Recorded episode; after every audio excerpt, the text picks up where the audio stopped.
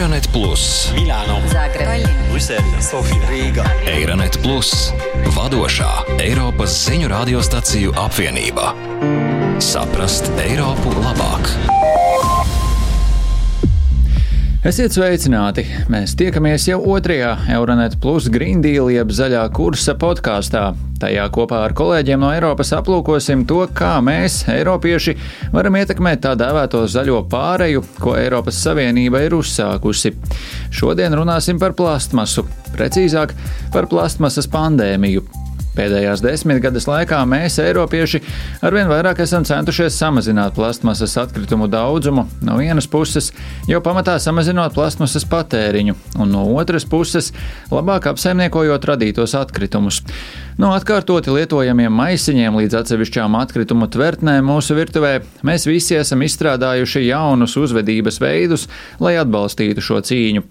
Tomēr, neskatoties uz to, ka mēs labi apzināmies mikroplastmasas klātbūtni mūsu ūdenī, augos un dzīvniekos un to, ko tas nozīmē mūsu veselībai, joprojām nav tik viegli pagriezt muguru šim izgudrojumam, kas gan uz labu, gan uz sliktu ir mainījis mūsu dzīvi. Lai gan Brisele ir aizliegusi izmantot noteiktu vienreiz lietojamu plastmasu un noteikusi stingrākus pārstrādes standartus, pandēmija ir atklājusi vienu būtisku šķērsli ceļā uz pasauli bez plastmasas - higiēnas jomu. Covid-19 pandēmijas laikā plasmasa ir ņēmusi virsroku. Lielais plasmasas daudzums individuālajos aizsardzības līdzekļos nozīmē to, ka slimnīcas ir dubultojušas šī bioloģiski nenoārdāmā materiāla izmantošanu. Karantīnas pasākumi izraisīja līdzi ņemamo maltīšu un tiešsaistes pirkumu pieaugumu, kas radīja vēl vairāk atkritumu. Saskaņā ar Eiropas vides aģentūras aplēsēm no 2020. gada marta līdz septembrim e-komercijas sektors izmantoja no 11 tūkstošiem līdz 17 600 tonnām papildu plastmasas iepakojuma. Vai pandēmija mūs ir atmetusi atpakaļ mūsu centienos nosūtīt plasmasu vēstures mēslēnē? To mēs jautājām pilsoņiem no visas Eiropas Savienības. Pilsoņiem, kuri kopīgi apzinās problēmu un cīnās, lai rastu risinājumus. Mūsu Slovenijas kolēģi no RTV Slo runāja ar Kaķu Strešu no nevalstiskās organizācijas Ekologi bez robežām. Plasmasa noteikti ir brīnišķīgs materiāls, un mēs vides speciālisti neesam pret visām plasmasām tieši to ilgmūžības, liederības dēļ medicīnā, tehnoloģijā un transportā. Plasmas ir lielisks materiāls, bet tieši tāpēc ir tik neprātīgi to izmest pēc tik īsa lietošanas laika, kā mēs to darām ar vienu vienreiz lietojamiem produktiem. Un uz brīdi aizmirsīsim par šo epidēmiju. Pat 60% ķirurģiskā aprīkojuma ir vienreizējās lietošanas. Tas ir milzīgs skaitlis un milzīga problēma. Ir nopietni jāpadomā, kur mēs varam atkārtot izmantot materiālus vai kur plastmasu var aizstāt ar vidē draudzīgākiem materiāliem. Katjai piekrīt arī Eleonora Josifova, Bulgārijas vecākās ekoorganizācijas Zezemjata atkritumu un pārstrādes eksperte. Lūk, ko viņa teica mūsu Bulgārijas kolēģiem no BNR. Очевиден е проблема. Ние вече, за съжаление, почнахме и да се спъваме в маски. В... Problēma ir skaidra. Mēs uz ielas sastopamies ar maskām. Covid-19 dēļ vienreiz lietojamā masku un cimdu ražošana pasaulē ir dubultojusies. Eiropā vien kopš pandēmijas sākuma ir saražots un piegādāts vairāk nekā 100 tūkstoši tonu, kas katru dienu ir aptuveni viena maska uz vienu cilvēku. Почти по една маска на ден. Vienas tonnas vienreiz lietojamu sejas masku ražošana, transportēšana un atkritumu apstrāde rada vairāk nekā 33 tonnas oglekļa dioksīda, norāda Eiropas vides aģentūra. Tā kā lielākā daļa šo masku tiek ražotas Ķīnā, liela daļa šo emisiju avotu ir ārpus Eiropas robežām.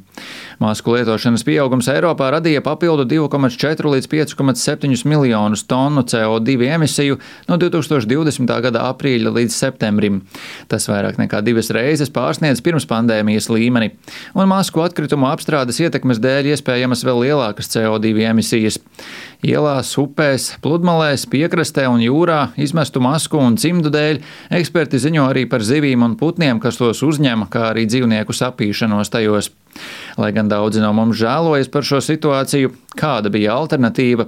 Tā jautā Mateo, jauns itālis, kuru intervēja mūsu Itālijas kolēģi no Milānas Radio 24. Mi sono chiesto spesso che tipo di impatto ambientale potessero avere tutti questi tamponi. Es bieži esmu sev jautājis, kāda ir visu šo vates kociņu ietekme uz vidi. Ne tikai uztriepes, bet arī visi Covid-19 radītie atkritumi, piemēram, cimdi, maskas un tā tālāk. Manuprāt, galvenā problēma ir saistīta ar atkritumu šķirošanu, jo daudzi no šiem produktiem ir izgatavoti no vairākiem materiāliem, tostarp plastmasas un bioloģiski nenoārdāmiem materiāliem.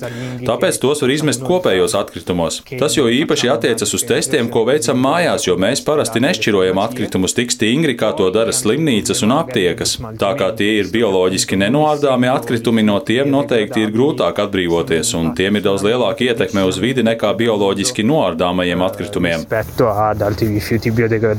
Savukārt Gržegošs Mikoša fonda Mūsu zeme kampaņas Attīri pasauli galvenais koordinators saka, ka mums patiešām ir jāpastiprina mūsu pūliņi, lai labāk apsaimniekotu plastmasas atkritumus.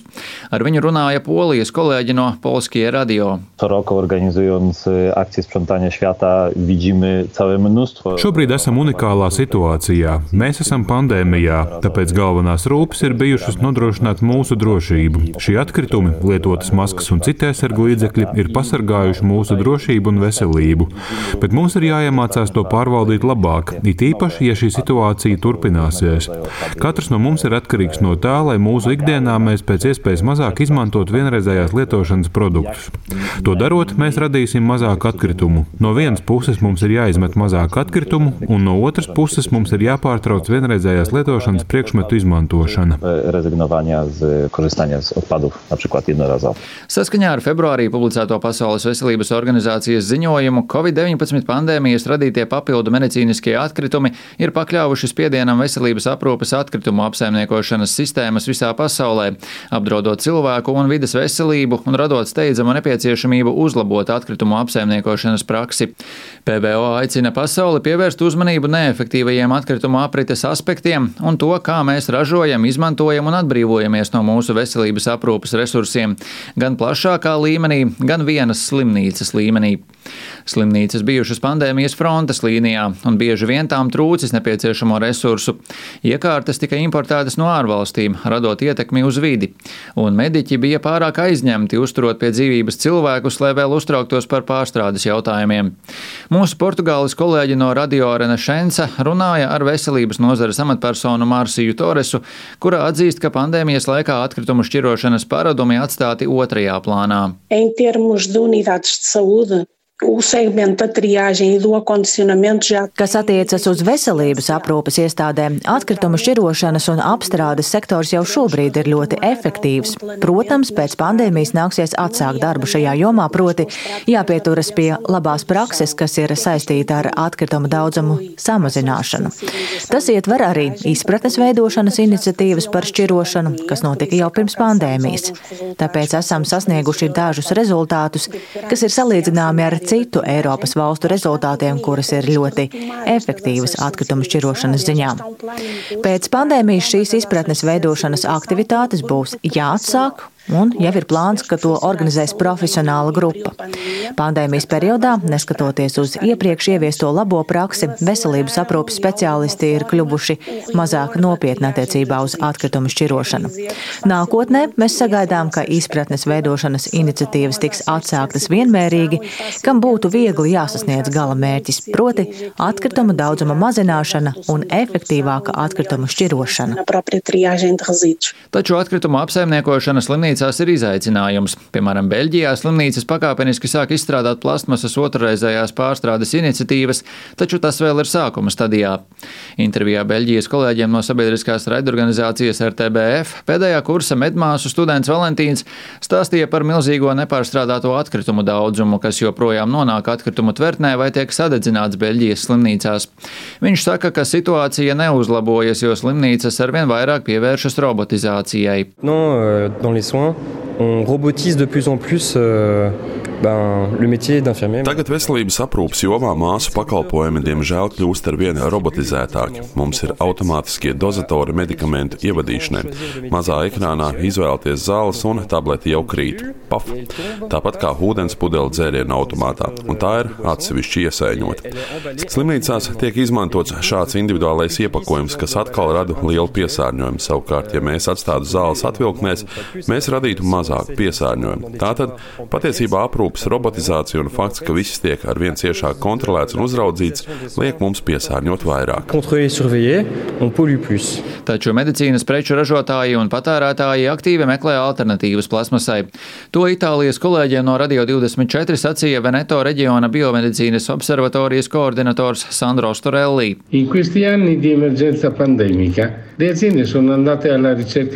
Šajos pandēmijas gados uzņēmumi ir meklējuši alternatīvus materiālus un piegādātājus. Pirmkārt, tāpēc, ka tirgu ir grūti atrast tradicionālos materiālus, bet otrkārt, izstrādāt jaunus individuālos aizsardzības līdzekļus un jaunus produktus virsmu dezinfekcijai.